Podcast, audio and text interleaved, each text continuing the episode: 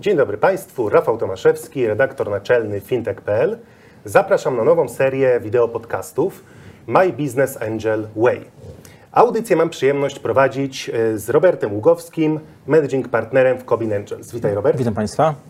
Przy okazji naszego nowego cyklu będziemy dużo mówić o inwestowaniu, o inwestycjach w startupy, o tym, jak potencjalnie znaleźć nowego jednorożca. Ale na początek zastanowimy się, kim tak naprawdę są aniołowie biznesu, jak można rozpocząć swoją przygodę z inwestowaniem. A pomoże nam w tym Aleksandra Friedel, inwestorka, współwłaścicielka i członkini zarządu Unilink. Witam serdecznie. Okej, ale na początek może powiedzmy, kim tak naprawdę e, są ci aniołowie biznesu, tak? Co się kryje pod tym pojęciem, więc może ty, Robert, e, wyjaśnisz naszym, naszym widzom. Dobrze. E, Aniołowie biznesu są to inwestorzy prywatni, osoby prywatne, które angażują swój własny kapitał i jednocześnie angażują się osobiście, dzielą się doświadczeniami, wiedzą, kontaktami, tak żeby pomóc startupom w rozwoju. W Polsce najczęściej aniołowie biznesu są właśnie przedsiębiorcy. Tutaj będziemy mieli za chwilkę okazję poznać trochę, e, jak inwestują przedsiębiorcy oraz e, top menadżerowie z większych firm, często z korporacji. Na świecie są to również e, startupowcy, którzy zbudowali swoje startupy i je spieniężyli. W Polsce jeszcze czekamy na takich. No właśnie, to teraz Aleks, ciebie zapytam, jak zaczęła się w ogóle twoja przygoda z inwestowaniem? Jak to wyglądało od samego początku? Zaczęło się już całkiem e, dawno temu, bo tak naprawdę na studiach, e, jak to uzyskałam indywidualny tak studiów, wyjechałam do Niemiec i pierwsze oszczędności pojawiły się właśnie w tamtym momencie, czyli zarabiałam w Niemczech, żeby się utrzymać, a e, skromne wprawdzie stypendium, ale i, i to, co otrzymywałam od rodziców, odkładałam na koncie i pierwsze moje inwestycje to lokaty kapitałowe, ówcześnie oprocentowane wysokimi stopami, było nawet kilkanaście. I to pozwoliło mi, że już po skończeniu studiów tak naprawdę miałam już jakiś swój kapitał e, zgromadzony. I, tak jak młodzi ludzie po studiach zaczynają dopiero ze świeżą głową i praktycznie z, z tabulą rasa, czystą, czystą kartą, nie mający nic na koncie, to ja już moje pierwsze oszczędności miałam trochę polokowane a, i wtedy rozglądaliśmy się e, z moim partnerem za innymi możliwościami. To pojawiły się działki, nieruchomości, to było takie coś w miarę łatwego, zrozumiałego.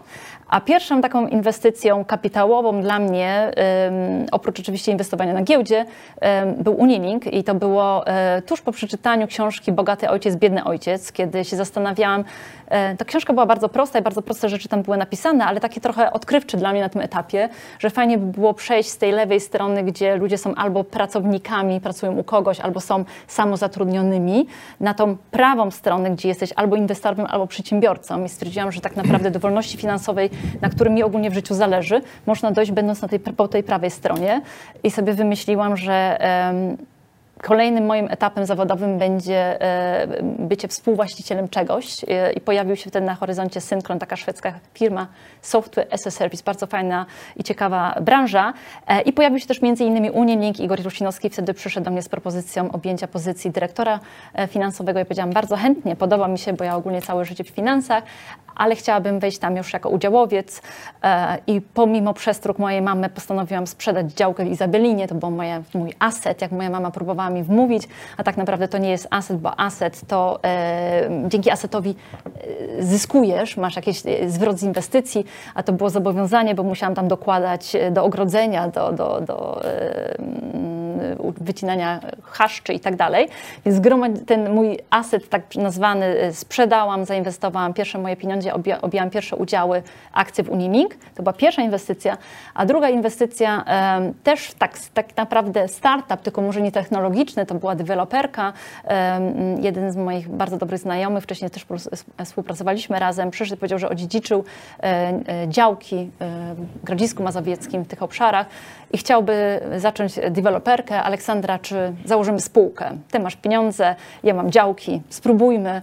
A ja stwierdziłam wtedy, no dobra, no nic nie ryzykuję. W najgorszym wypadku dogadaliśmy się tak, że to będzie mój dom, jak go nie sprzedamy, no to będę miała dom w Grodzisku e, Mazowieckim. W najgorszym wypadku się tam przeprowadzę. E, albo sprzedam za mniejszą stawkę niż to, co wtedy było ulokowane 500 tysięcy. Ale to się udało i tak naprawdę dzisiaj nasza firma e-house, a później druga IN e-house to tak naprawdę bardzo prężnie rozwijające się spółki, gdzie e, jednocześnie praktycznie 8 budów jednocześnie jest prowadzonych, więc e, to były moje pierwsze, moje, pierwsze inwestycje. Jakbyś mogła powiedzieć w kilku słowach, co dają Tobie tak naprawdę inwestycje w startupy? Jakie tutaj główne plusy widzisz ze swojej perspektywy? Inwestycja w startup jest o tyle fajną rzeczą, że po pierwsze to jest nowa przygoda, to dopiero się tworzy. Możesz dużo współdecydować i, i, wspierać tego inwestora na samym początku, zwłaszcza jeżeli masz jakieś doświadczenie, więc to jest bardzo fajna, fajne rozwiązanie dla tych osób, które już jakieś doświadczenie mają, czy w korporacjach, czy, czy, czy jakieś swoje, swoje własne, bo się ma ten know-how, a często ten nowy, młody człowiek, startupowiec tego nie ma i to, to, jest duży, y, to jest duża wiedza, którą można tą osobę wzbogacić. Poza tym tworzy się od początku całość i masz na to wpływ. To już nie jest, nie jest e, duża działająca korporacja, gdzie zmiana czegokolwiek modelu jest trudna, e, e, tu jest bardziej to realne. No oczywiście nie zapominając o takich rzeczach, że koszt wejścia jest niższy, bo te zyski i zwroty są w przyszłości, więc więc fajnie wchodzić na samym początku. Więc mi się to bardzo podoba, a jeszcze bardzo fajne jest to, że poszerza się e, z reguły horyzonty, bo tak naprawdę tak jak wcześniej się nie znałam na e, deweloperce i, i budowaniu, no to teraz jakąś tam wiedzę z tego zakresu posiadam i każda nowa branża wzbogaca człowieka i rozwija, więc to jest ciekawy obszar. Wróćmy też może trochę do początków Twojej przygody z inwestowaniem. Jakie wyzwania na początku tej drogi uważasz, że są największymi wyzwaniami po stronie inwestorów? Z czym tutaj musi się mierzyć taki początkujący inwestor, anioł biznesu? W zależności y, kto jaki ma e, background, dla mnie na przykład te aspekty finansowe nie były trudne, tak? bo wycena biznesu, EBITDA, mnożniki, no to to wszystko dla mnie było zrozumiałe. W ogóle mm, rachunek zysku i strat, PNL, bilans. E, oczywiście często startupy nie mają EBITDA, nie mają zysku, więc to trzeba zastanowić, jak to wyceniać. Ale jeżeli chodzi o te kwestie finansowe, to dla mnie to nie było jakąś, jakimś dużym wyzwaniem. Wyzwaniem są oczywiście kwestie też prawne, zapisy w umowie. No to tutaj dobrze mieć e, albo zaufanego doradcę, albo rzeczywiście, a z reguły to e, te, te umowy są fajnie przygotowywane, bo to dużo osób nad tym pracuje, e, ale to trzeba doczytać.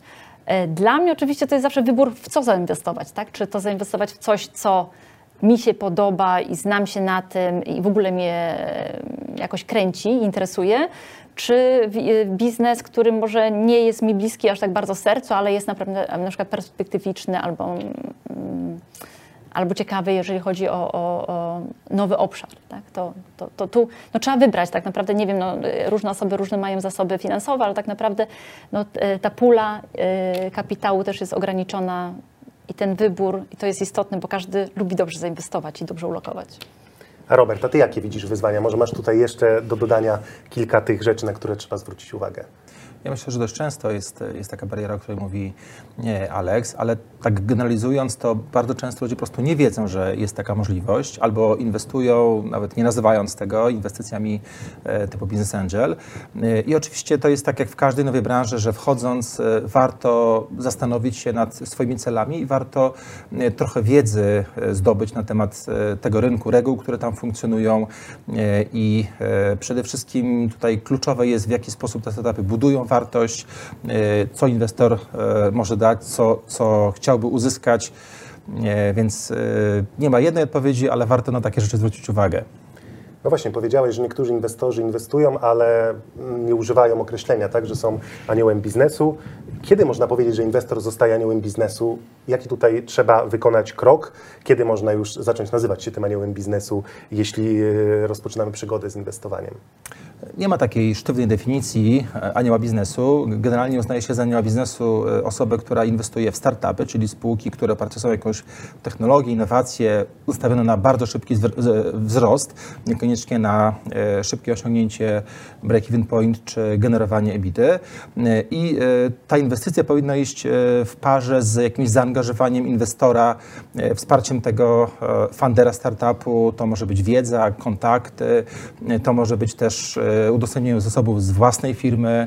E, bardzo różne są te formy wsparcia, ale, ale zawsze jest to w jakiś tam sposób e, powiązane i nie ma również jakiejś granicy takiej finansowej, ale bardzo często są to takie kwoty od kilkudziesięciu, kilkuset tysięcy złotych, więc ta bariera jest dość nisko.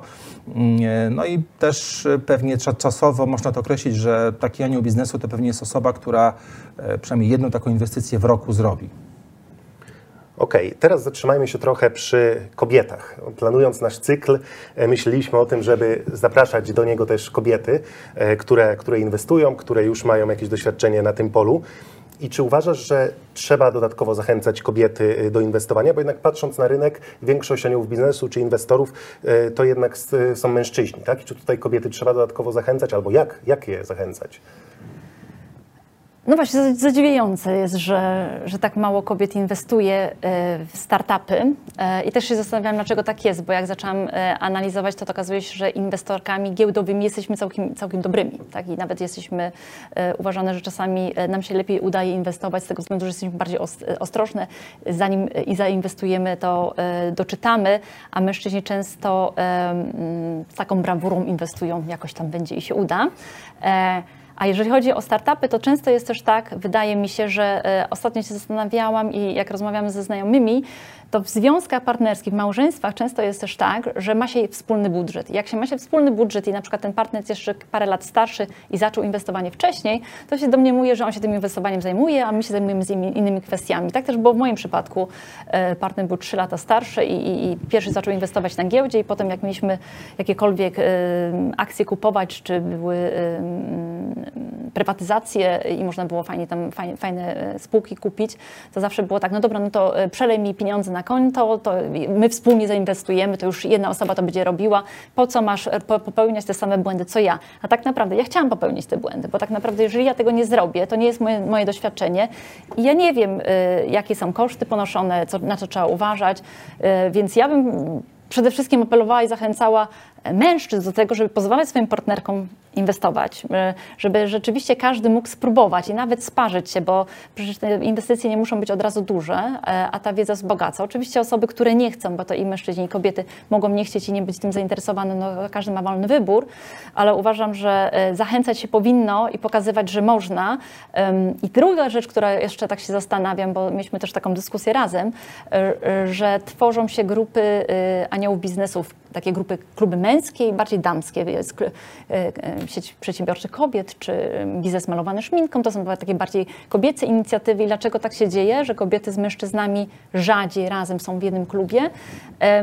Bo jednak czasami tak się zdarza, że mm, kobieta nie jest traktowana serio. E, zdarzyło mi się to kilka razy też biznesowo, ponieważ jako dyrektor finansowy w niektórych transakcjach, w których miałam brać udział, brałam udział, miałam przyjemność brać udział, zadawałam pytania e, finansowe o wynik, o PNL e, i mężczyzna odpowiadając nie patrzył na mnie, tylko udzielał, odpowiedzi e, prezesowi albo innej osobie. I czasami to jest chyba jednak jeszcze ta bariera i ja jako kobieta z drugiej strony też chcę być traktowana serio i, i bycie w, w kręgu kobiet daje mi większy komfort i tak mogą się inne kobiety też czuć, ale fajnie by było to jednak przełamywać i otwierać się, bo wydaje mi się, że jest fajna energia męska i fajna energia damska i każdy ma różny punkt widzenia i to się tylko wzbogaca i uzupełnia, więc e, fajnie, że Cobin Angel i, kluby zapraszają kobiety, chcą, żeby te kobiety były. I fajnie by było, żeby ta rzeczywiście przestrzeń była i żeby to traktowanie było takie serio, czyli my na serio jesteśmy kobiet, kobieta też jest inwestorem i, i mężczyzna też i żeby tak się po partnersku traktować. Jeśli mogę, to jeszcze dodam taką perspektywę, że jeden z najlepszych funduszy inwestycyjnych świata, BlackRock, oni to policzyli, e, mają dość dużo doświadczeń. E, Oni powiedzieli, że nie będą inwestowali w e, targety inwestycyjne, gdzie nie ma właśnie balansu, między innymi właśnie chodziło o gender balance. E, A patrząc na nasze doświadczenia w Combin Angels, chociażby na naszą ostatnią inwestycję, e, spółkę Mentorist, ja pamiętam taką dyskusję między, między inwestorami, w której ty nie uczestniczyłaś. Oni tam ze trzy razy odwoływali się, bo zwróćcie uwagę, co powiedziała Alex. Alex powiedziała to i tamto, także oni to e, brali pod uwagę, bo to był rzeczywiście trochę odmienny punkt widzenia. I to jest super, to jest bardzo cenne. Okej, no, zmierzając już tak do końca naszej rozmowy, czy jest może coś, o czym jeszcze nie powiedzieliśmy, a co jest ważne dla osób myślących o zostaniu biznesu? Może jakieś wskazówki, taka myśl na zakończenie naszej rozmowy? Tak, dla mnie myśl, którą chciałabym propagować wszystkim, bardzo ważna i bardzo cenna jest wolność finansowa. I e, ja sobie wręcz wytutowałam wolność na ręce, ale to szeroko rozumiane, bo wolność taka auto, autonomia podejmowania decyzji, że ja podejmuję i jestem odpowiedzialna za swoje decyzje i, kreuję swoją rzeczywistość. Wolność finansowa jest potrzebna do tego, żeby można było podejmować decyzje na przykład o, o pójściu na nowe studia, o e, nauk, nauce języka, o wyjeździe za granicę. To wszystko kosztuje, więc ta wolność pomaga. I szeroko rozumiana też taka wolność, że e, w zdrowym ciele, zdrowy duch, ja dbam o swoją kondycję, o, e, o, o formę, bo jak mnie coś boli, to wolność finansowa i, e, i decyzyjność nie pomaga, więc szeroko rozumiana wolność jest istotna i wolność finansowa e, dla mnie też, z tego względu, że pomaga realizować marzenia. Robert? E, Zgadzam się. E, Myślę również, że e, praca ze startupami jest bardzo ciekawa, rozwijająca, fascynująca wręcz. Dużo osób myślę, że myśli o tym, próbuje. Ja zachęcam, żeby próbując jednak starać się zdobyć pewną, pewną wiedzę albo pracować w gronie chociażby takich osób, które mają te doświadczenia, albo czerpać z najlepszych przykładów. I myślę, że chociażby taki konkurs Business Angel of the Year, który obecnie prowadzimy, obecnie jest faza zgłaszania kandydatur, w styczniu będzie głosowanie, a w lutym będzie, będą nagrody. E, To jest ciekawe miejsce, żeby obserwować właśnie aniołów biznesu. Oczywiście takie, takie cykle jak, jak wasz e, My Business Angel Way e, również. Czerpmy z tych wzorców i próbujmy to robić. I myślę, że tutaj możemy zakończyć naszą rozmowę. Gościem podcastu My Business Angel Way była Aleksandra Friedel i Robert Ługowski. Bardzo Dziękuję. dziękuję. Ja nazywam się Rafał Tomaszewski i zapraszam na kolejne nagranie już wkrótce.